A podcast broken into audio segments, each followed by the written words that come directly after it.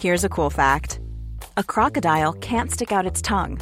Another cool fact you can get short term health insurance for a month or just under a year in some states. United Healthcare short term insurance plans are designed for people who are between jobs, coming off their parents' plan, or turning a side hustle into a full time gig. Underwritten by Golden Rule Insurance Company, they offer flexible, budget friendly coverage with access to a nationwide network of doctors and hospitals. Get more cool facts about United Healthcare short term plans at uh1.com. Hey, I'm Ryan Reynolds. Recently, I asked Mint Mobile's legal team if big wireless companies are allowed to raise prices due to inflation. They said yes. And then when I asked if raising prices technically violates those onerous two year contracts, they said, What the f are you talking about, you insane Hollywood ass? F- So to recap, we're cutting the price of Mint Unlimited from $30 a month to just $15 a month. Give it a try at mintmobile.com slash switch. $45 upfront for three months plus taxes and fees. Promo rate for new customers for limited time. Unlimited more than 40 gigabytes per month. Slows. Full terms at mintmobile.com.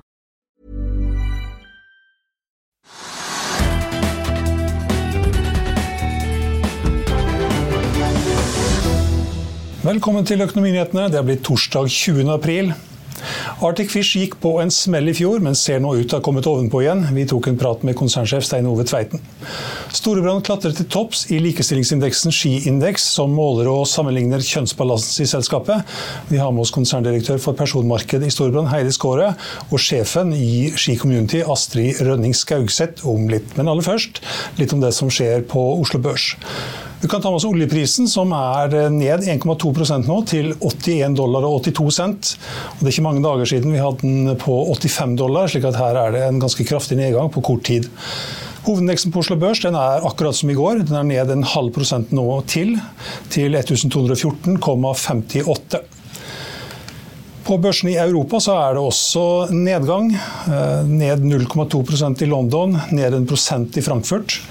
Ned en halv prosent. I Paris. I Milano er det ned 1,3% I Madrid ned 0,7 ja, 0,7% og Stox 600 er ned eh, 0,44 Futures eh, på børsene i New York eh, antyder at Dow Jones vil åpne ned 0,6 Eh, SMP 500 ser ut til å åpne ned 0,8% mens Nasdaq ligger an til nå å åpne ned over 1 kan ta med også eh, bitcoin, som er langt under 30 000 dollar igjen. Den er ned nye 1,7 i dag, til 28 770 dollar.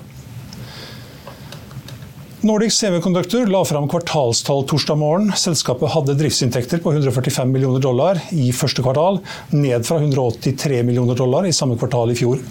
Resultat for skatt landet på magre 8,4 millioner dollar, ned fra 44,5 millioner dollar i samme kvartal i fjor. Det var også mye annet i rapporten som ikke falt i god jord hos investorene, som sender ned aksjen rundt 20% Akkurat nå er aksjen ned 18,6% til 120 kroner og 5 øre. Aksjen er da også ned 62 til 63% fra toppen på 319 kroner og 40 øre 7.9.2021. Sparebank1 Markedsanalytiker Petter Kongsli venter nå nye estimatkutt.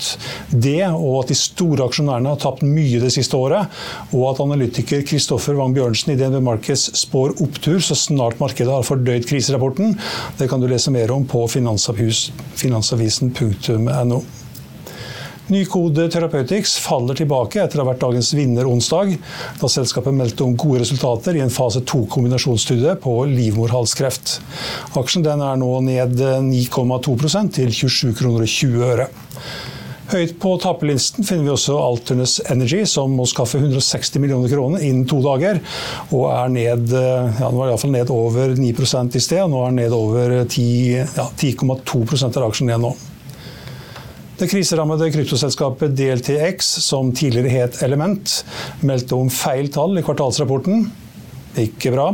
Feilen er rettet nå, men underskuddet ble doblet, og aksjen er ned, ja, ned 8,9% i øyeblikket, til 27 kroner og 20 øre.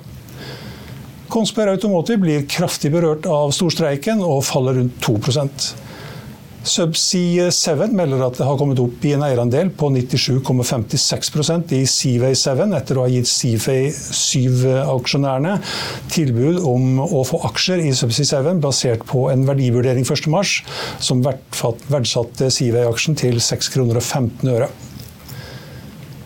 Batteriselskapet Kyoto Group stiger nesten 7 etter å ha signert en intensjonsavtale med et større, større energiselskap som da ikke er navngitt. Dette er en game changer, sier Kyoto-sjefen. Det kan du også lese mer om på finansavisen.no. Hydrogenpro stiger videre i kjølvannet av samarbeidsavtalen som selskapet meldte om eh, onsdag. Aksjen er nå opp 10% til 27 kroner og 40 øre. Vil du bli oppdatert på det viktigste som har skjedd innen finans og næringsliv? Da er det bare å følge med, for hver morgen er jeg, Marius Lorentzen og aksjekommentator Karl Johan Malnes på plass i studio for å ta tempen på dagens marked i Børsmorgen. Og hver ettermiddag oppsummerer vi alt du trenger å vite i økonominyhetene, og det blir selvfølgelig masse interessante gjester. Klikk deg inn på fa.no-tv, eller søk opp Børsmorgen og Økonominyhetene der du hører på podkast. I'll see you in court. Vi sier det ofte litt på spøk, men for deg som driver business, er det aldri moro å innse at du ikke har laget en 100% gyldig kontrakt. Du bør ikke risikere hele firmaet ditt fordi du synes dette med kontrakter er litt stress. En avtale er ikke en avtale. Du kan miste kunder, miste venner, ja, til og med miste inntekter om du ikke lager en skikkelig kontrakt, på alt mulig, egentlig. Men vi vet det er et styr. Kopimaskiner, treg printer og haugevis av papir. Dessuten stoler vi jo på folk her i landet. Det er ofte litt kleint å skulle be om en signatur for alt mulig, ja, for mye av styret handler også om jakten på underskriften. Det finnes en enkel måte å løse dette på, Dukkobit, en trygg, effektiv og get this, gratis måte å sikre seg en god natts søvn pluss en juridisk bindende avtale. Dukkobit-appen har de strengeste sikkerhetskrav i bunn, samt en EU-godkjent og sertifisert teknologi. Framover vil det bli behagelig å spørre du, skal vi skrive under på det, eller? Kom i gang på dokobit.no.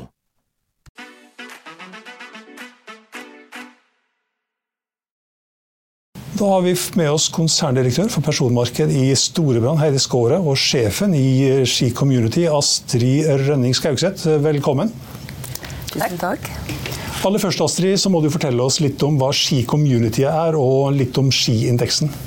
Det skal jeg gjøre. Eh, Ski Community er en liten organisasjon som jobber med å øke bevissthet eh, rundt eh, S-en i ESG, altså sosial bærekraft. Og det gjør vi gjennom tre hovedinitiativer som er skiindeksen, som vi snart skal snakke mer om.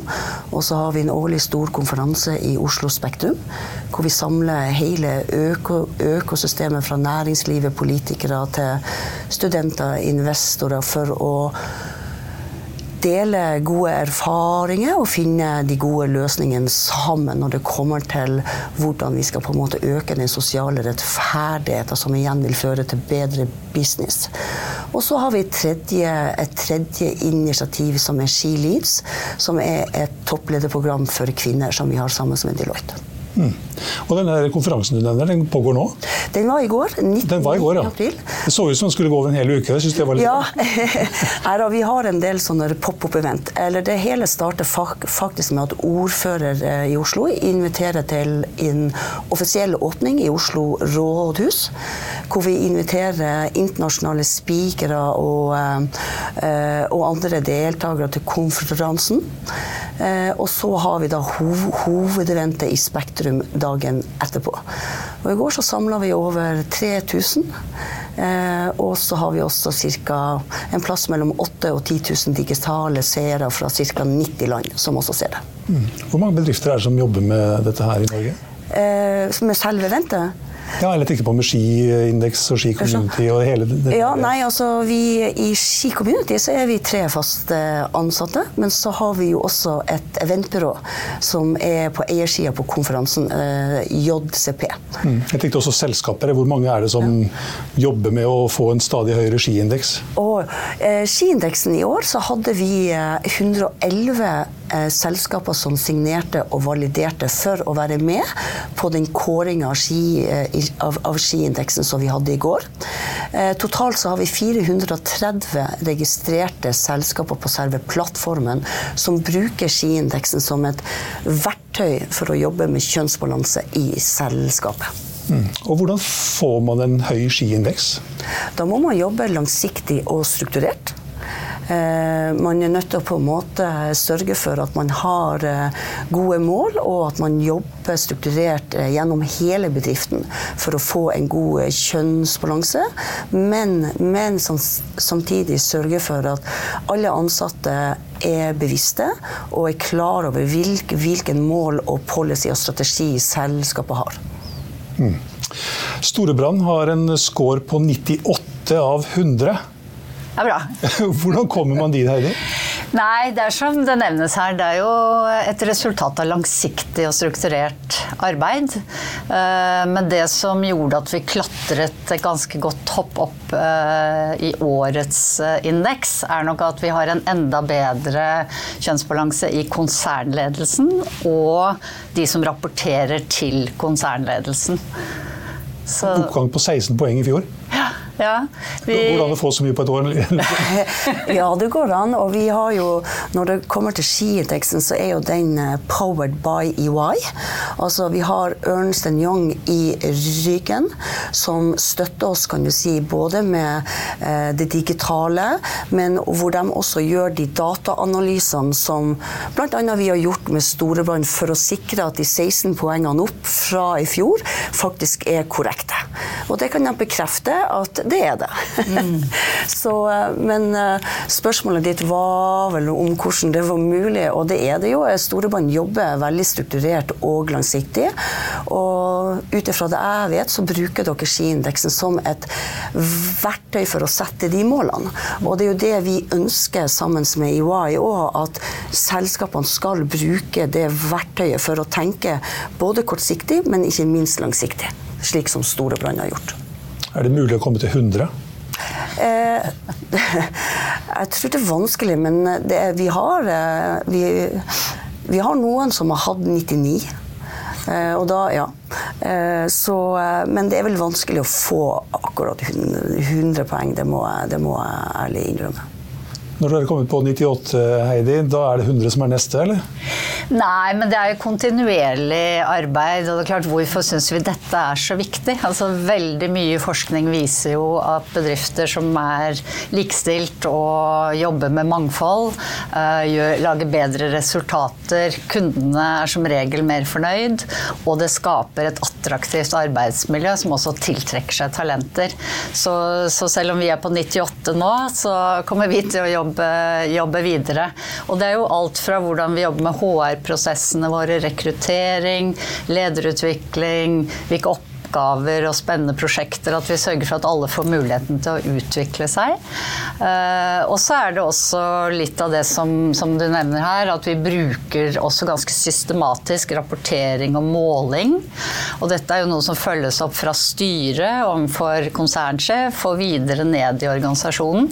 Sånn at vi liksom hele tiden måler og utvikler og ser hvor, hvor er det vi kan eh, forbedre oss. Så om vi kommer til 100 skal jeg ikke si, men vi kommer til å videreføre dette arbeidet, som vi syns er svært viktig. Mm. I denne eh, indeksen så det, inngår det sikkert flere elementer.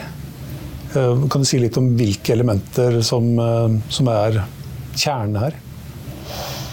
Det går vel mye på sammensetning av uh, kjønn på ulike nivåer i, uh, i, bedriften. Men det går vel også en god del på policies og den type ting. Ja. Vil kanskje utdype litt hva de viktigste tingene er. Ja.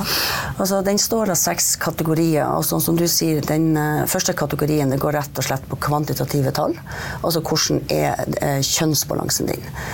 både i styret, i ledergruppe, i de som rapporterer til ledelsen og eh, ansattepoolen eh, totalt. Men så har vi fem andre kategorier, og det går på eh, actions, policyer, initiativer selskapene tar for å jobbe langsiktig med det. Og de er jo kanskje enda viktigere å ha fokus på, fordi at for å si det litt sånn bold, så er det ganske lett å få 50-50 kjønnsbalanse. Det er noe du kan bestemme deg for å gjøre.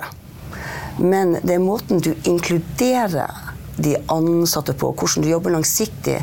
og beholde dem, som er viktig. Og det er først da du får gevinsten.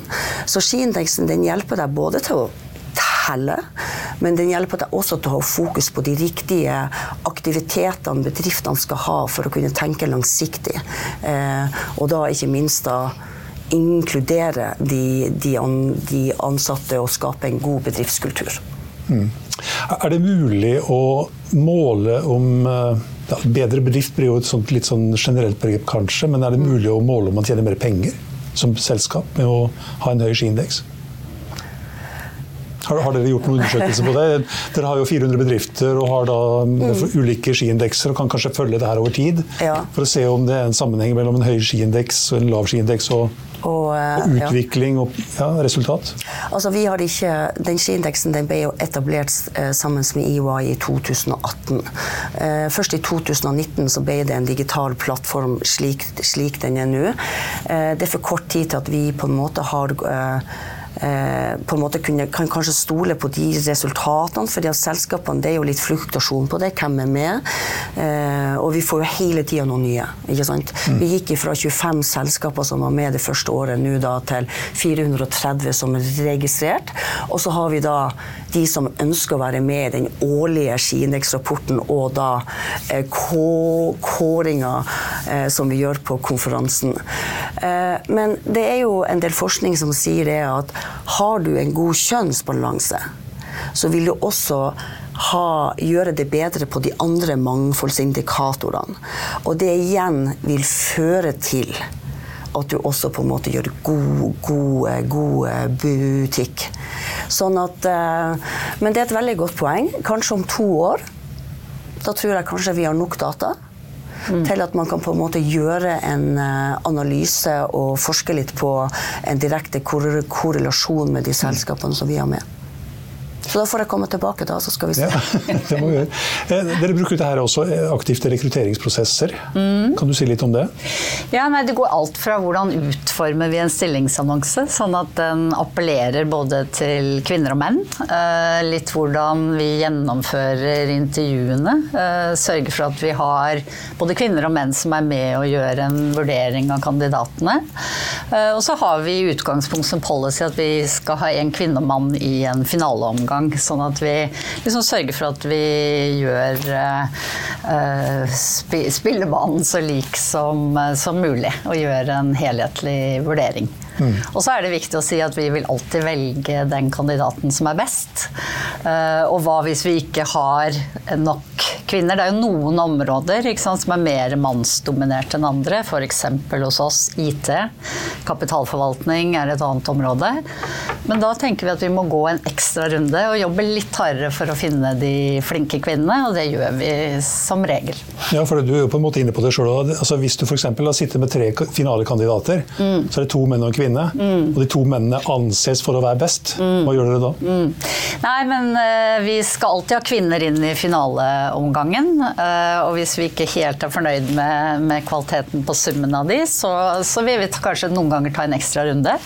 Uh, men vi vil alltid velge den best kvalifiserte kandidaten. Og historien viser jo da at når vi gjør det, så, så ender vi opp med nesten 50-50. Og det er jo sånn det skal være. Mm. Har dere vært i, liksom, situasjoner der dere har sittet igjen med to menn og ikke klarer å skape balanse, for å si det sånn, i finalen? Eh, det har skjedd. Som jeg sier, noen områder er, eh, er det vanskeligere å finne kvinner, men da prøver vi å anstrenge oss litt ekstra. Mm. Og det vi ser da, når vi har en god likestilling i bedriften, så er vi også mer attraktive for de dyktigste talentene. Og da, da, har vi lettere for å finne kvinner enn kanskje andre bedrifter. Mm. Som du var inne på, eh, Astrid, så er det konsulentselskapet, revisjonsselskapet EI som EY. Eh, som, EI. EY. EY. EY, ja. EY. EY. Ja. Mm. Som samler inn disse dataene. Hvilke data er det de får? Nei, altså vi, det vi som samler Hvordan ser de dataene ja. ut? Er, liksom, ja. er det to og fire og seks, eller er det nei, altså Alle selskapene som er med på skiindeksen, de svarer jo på 36 uh, eh, spørsmål fordelt på disse seks kategoriene. Uh, så vi, og det besvarer de inne på skiindeksplattformen. og da analyserer vi de sammen med EY.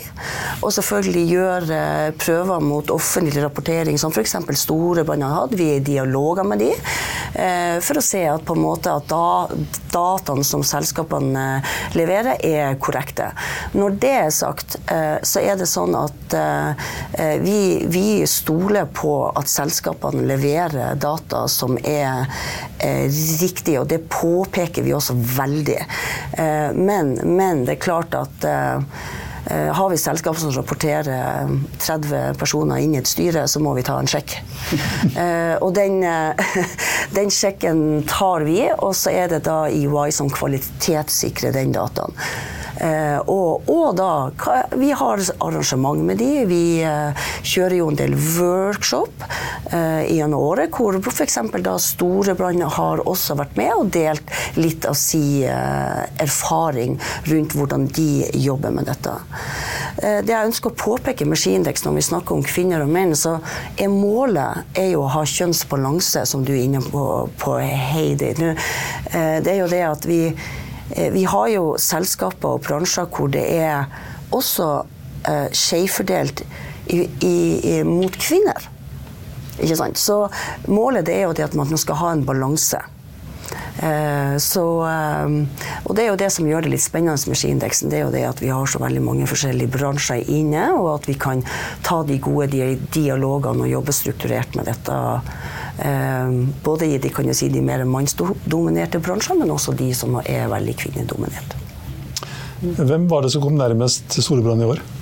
Og det var Storebrand, og så var det eh, og nå står det helt stille for meg. Ikea, Ikea og så var det Telenor på nummer tre. Og det, var, det, har aldri vært så tett i toppen.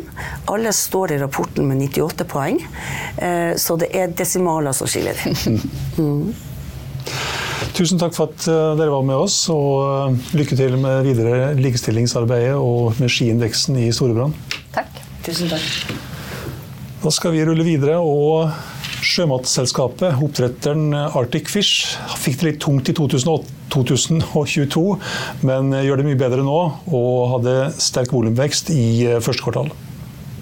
Ja, da har vi med oss konsernsjef Stein Ove Tveiten i Arctic Fish. Velkommen. Tusen takk. Aller først, eh, aller først Henover, kan du gi oss en kort innføring i Arctic Fish? Ja, Arctic Fish er et uh, selskap som driver med oppdrett av laks på Island. Uh, rettere sagt i Vestfjordene uh, på Island. Så det er hoved, hovedgeskjeften vår.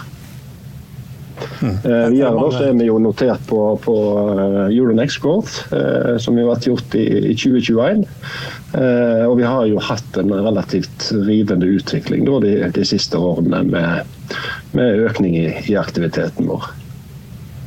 Dekker dere hele verdikjeden sjøl, eller?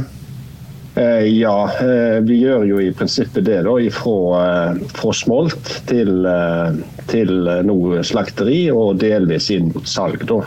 Men noe av, av salget vårt er outsources til, til andre aktører da, som er, jeg driver med det som, som, som, daglige bit. for å si sånn. Så vi har ikke et inhouse salgsapparat uh, i, i så måte.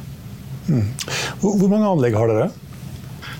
Eh, du kan si at vi på sjøsida nå så, eh, så, har vi vel fem aktive anlegg. da, og Kommer øker det opp til sju nå i løpet av året med, med de utsettende. da. Eh, det blir jo alltid litt pluss og minus. da, Noe er utslaktet og noe blir satt ut nye smolt på.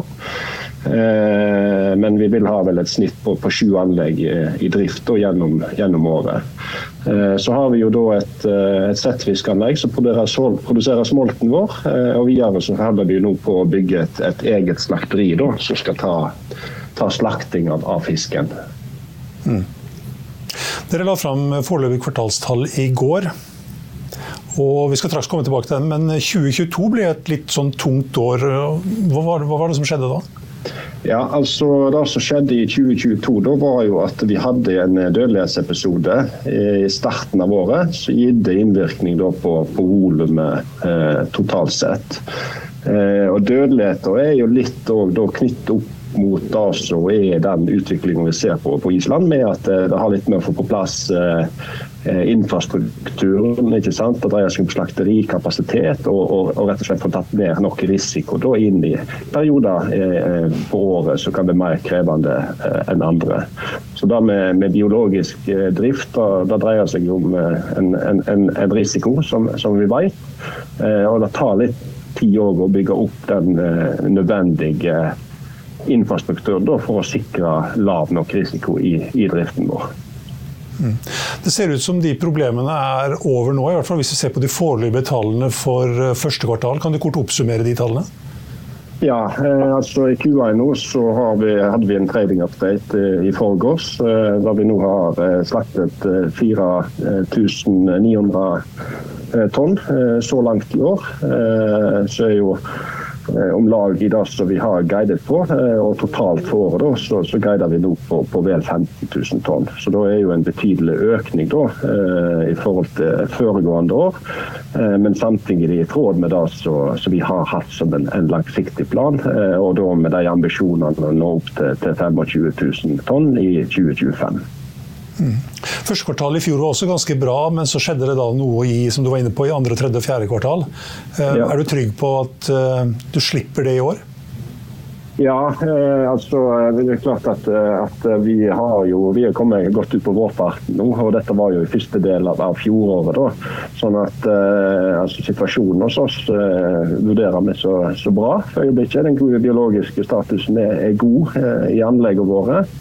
Eh, sånn at eh, Så langt så er vi, er vi nokså trygge på at, eh, at vi, vi, vi, ligger i rute da, i forhold til det som vi, vi planlegger for, for 2023.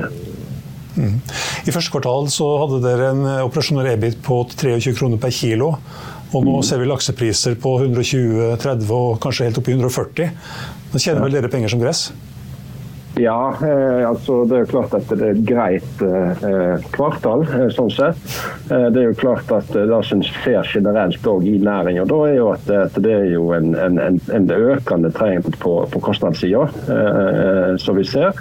Eh, sånn at, eh, at det er én bit, og det er jo noe som vi her hos oss jobber eh, hver dag på å få balansert. Og ikke minst med de investeringene som vi, vi gjør, da, i at, at vi skal spesielt på slakteribetene, har ambisjoner om å få redusert kostnad. Så da gjerne ta en, en del av, av, av, den generelle pris, prisutviklingen, eller inflasjonen som vi ser, kostnadsøkninger generelt. At vi greier å dempe den og er på sikt greier å redusere den ytterligere. Så, så, vi har relativt gode forhåpninger på, på framtiden eh, og, og, markedet og prognosene for worldwide på og volumveksten da er jo eh, begrenset, som vi ser det. Eh, og Utsikten og prognosene i den eh, både korte og det lange løp er jo god, sånn, som vi vurderer situasjonen. Dere har en lisens på å kunne ha biomasse totalt for 20, ja, 27 000 tonn, er det vel? Hvor nær den grensen ligger dere nå? Nei, Vi har et, et betydelig potensial ut ifra eh, altså det som vi prognoserer på, på, eh, på årsvolum i, i, i, år. Eh, som jeg nevnte da, Vi har jo en ambisjon om å nå opp til til 25 000 tonn i, i, i, 2025. Og så ser vi et ytterligere eh, vekstpotensial eh, i form av utnyttelse av lisensene våre og den biten der, eh, utover de 25 000 tonn, uten at vi har tallfestet det. da. Men, men det er et potensial der som vi, vi selvfølgelig ønsker å utnytte. Og Så håper dere at det kommer inn en lisens på ytterligere 4800 tonn i løpet av året? Stemme. og Det er jo del av, av, pakken da, på den veksten som vi, som vi forventer i, i, i framtiden, for å si det sånn. Så, eh, det er et, eh, som en av de få landene i, i, i den lakseproduserende verden, eh, så er det et organisk vekstpotensial på, på Island. og Det er jo derfor vi, vi syns det er fryktelig spennende å, å delta i den utviklingen som nå, nå, foregår på, på, på Island. Hvordan er skatteregimet for eh, oppdrettere på Island sammenlignet med f.eks. Norge? Nei, nå eh, kjenner vi jo vel og godt de diskusjonene som foregår i, i, i, i Norge. Eh, og det er jo trist, eh, hele, hele saken, sånn, sånn, vi vurderer det. Eh, det som er status på Island, er at vi har en lignende eh, skattesetup som Færøyene har. Eh, med at det er en, en revenue-skatt som ligger i, bunnen av det som vi har. Så eh, vi er jo relativt eh, komfortable i så måte med, med, med det. Eh, og så, eh, hva skal jeg si, eh, Det er klart at Norge har jo alltid blitt sett til eh, fra andre land når det gjelder både lovgivning og forutsigbarhet og den biten der. da. Så det er klart at vi òg er jo til en viss grad bekymret over, over den hva skal jeg si, ustabiliteten og uforutsigbarheten som nå ser ut til å være til, til stede på, på, uh, i Norge. Da, uh, sånn sett. Men samtidig da, så tror jeg da at, da at, uh, at altså Island de har verken hatt olje eller et over, overflod av, av penger på, på, Island. og de har vært Eh, hva skal jeg si, eh, brukt hver krone godt på Island, for de hadde hatt begrenset eh, mengde av de. sånn at jeg tror nok knytningene og forståelsen mellom det som skjer på verdiskapning og i næringslivet, er litt tettere enn hva, hva jeg, jeg, opplevde i, i Norge for, for øyeblikket. Så, så, De er vane med å bygge industri på Island, og de er vane med å utnytte de ressursene de har godt. og jeg, jeg tror at det vil være en forståelse for at vi som selskap og næring på Island må få utvikle oss, at det er i, i fellesskapet sitt, sitt beste òg. Uten at da skattetrykket kommer opp på et nivå som gjør til at du blir eh, dempet og hindret den veksten som vi jobber for. Har dere så god kontakt med myndigheten at dere føler dere trygge på at det ikke skjer noe i løpet av de første, førstkommende årene? Jeg føler i hvert fall det er en god kommunikasjon eh, rundt, eh, rundt, eh, rundt de problemstillingene som vi jobber med. Da. Og det er klart at Island er jo et, forholdsvis lite land, sånn sett, og at det er litt lettere å komme til bordet og få diskutert utfordringer og problemstillinger da, som er relevante for, for, for industrien. Mm. Tusen takk for at du kunne være med oss, Stein Ove. Jo, takk for invitasjonen. Ja, Vi kan ta en liten titt igjen på Oslo Børs, som fremdeles er ned 0,55 ja, til 1214 helt uh, på, ja, helt på poenget. 1214. Uh, oljeprisen er ned 1,4% nå, til 81 dollar og 69 cent, så den har liksom falt litt mer da, siden sist vi var inne. Vi kan også ta med at eh, Høg Autoliners er kommet høyt på vinnerlisten. Har signert en femårig kontrakt med det som omtales som en vesentlig verdi. Aksjen er opp 5-6 eh, vi kan også ta med at eh, det fremdeles er eh, ned på børsene i Europa. Ikke store endringene. Ned 0,2% i eh, London, ned 0,9% i Frankfurt. 0,4% ned i Paris, 1,2% i Milano. Og Stock 600 er ned 0,4% Børsene i New York antydes å åpne ned også, ned 0,5% for Dow Jones, 0,7% ned for SMP 500. Og Nasdaq indikeres å åpne ned 0,9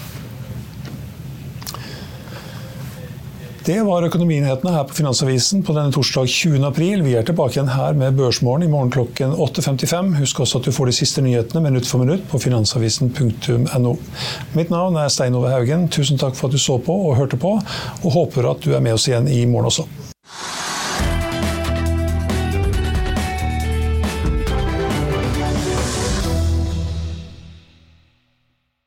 Økonominyhetene er en podkast fra Finansavisen. Programledere er Marius Lorentzen, Stein Ove Haugen og Benedikte Storm Bamvik. Produsenter er Lars Brenden Skram og Bashar Johar. Og ansvarlig redaktør er Trygve Hegnar.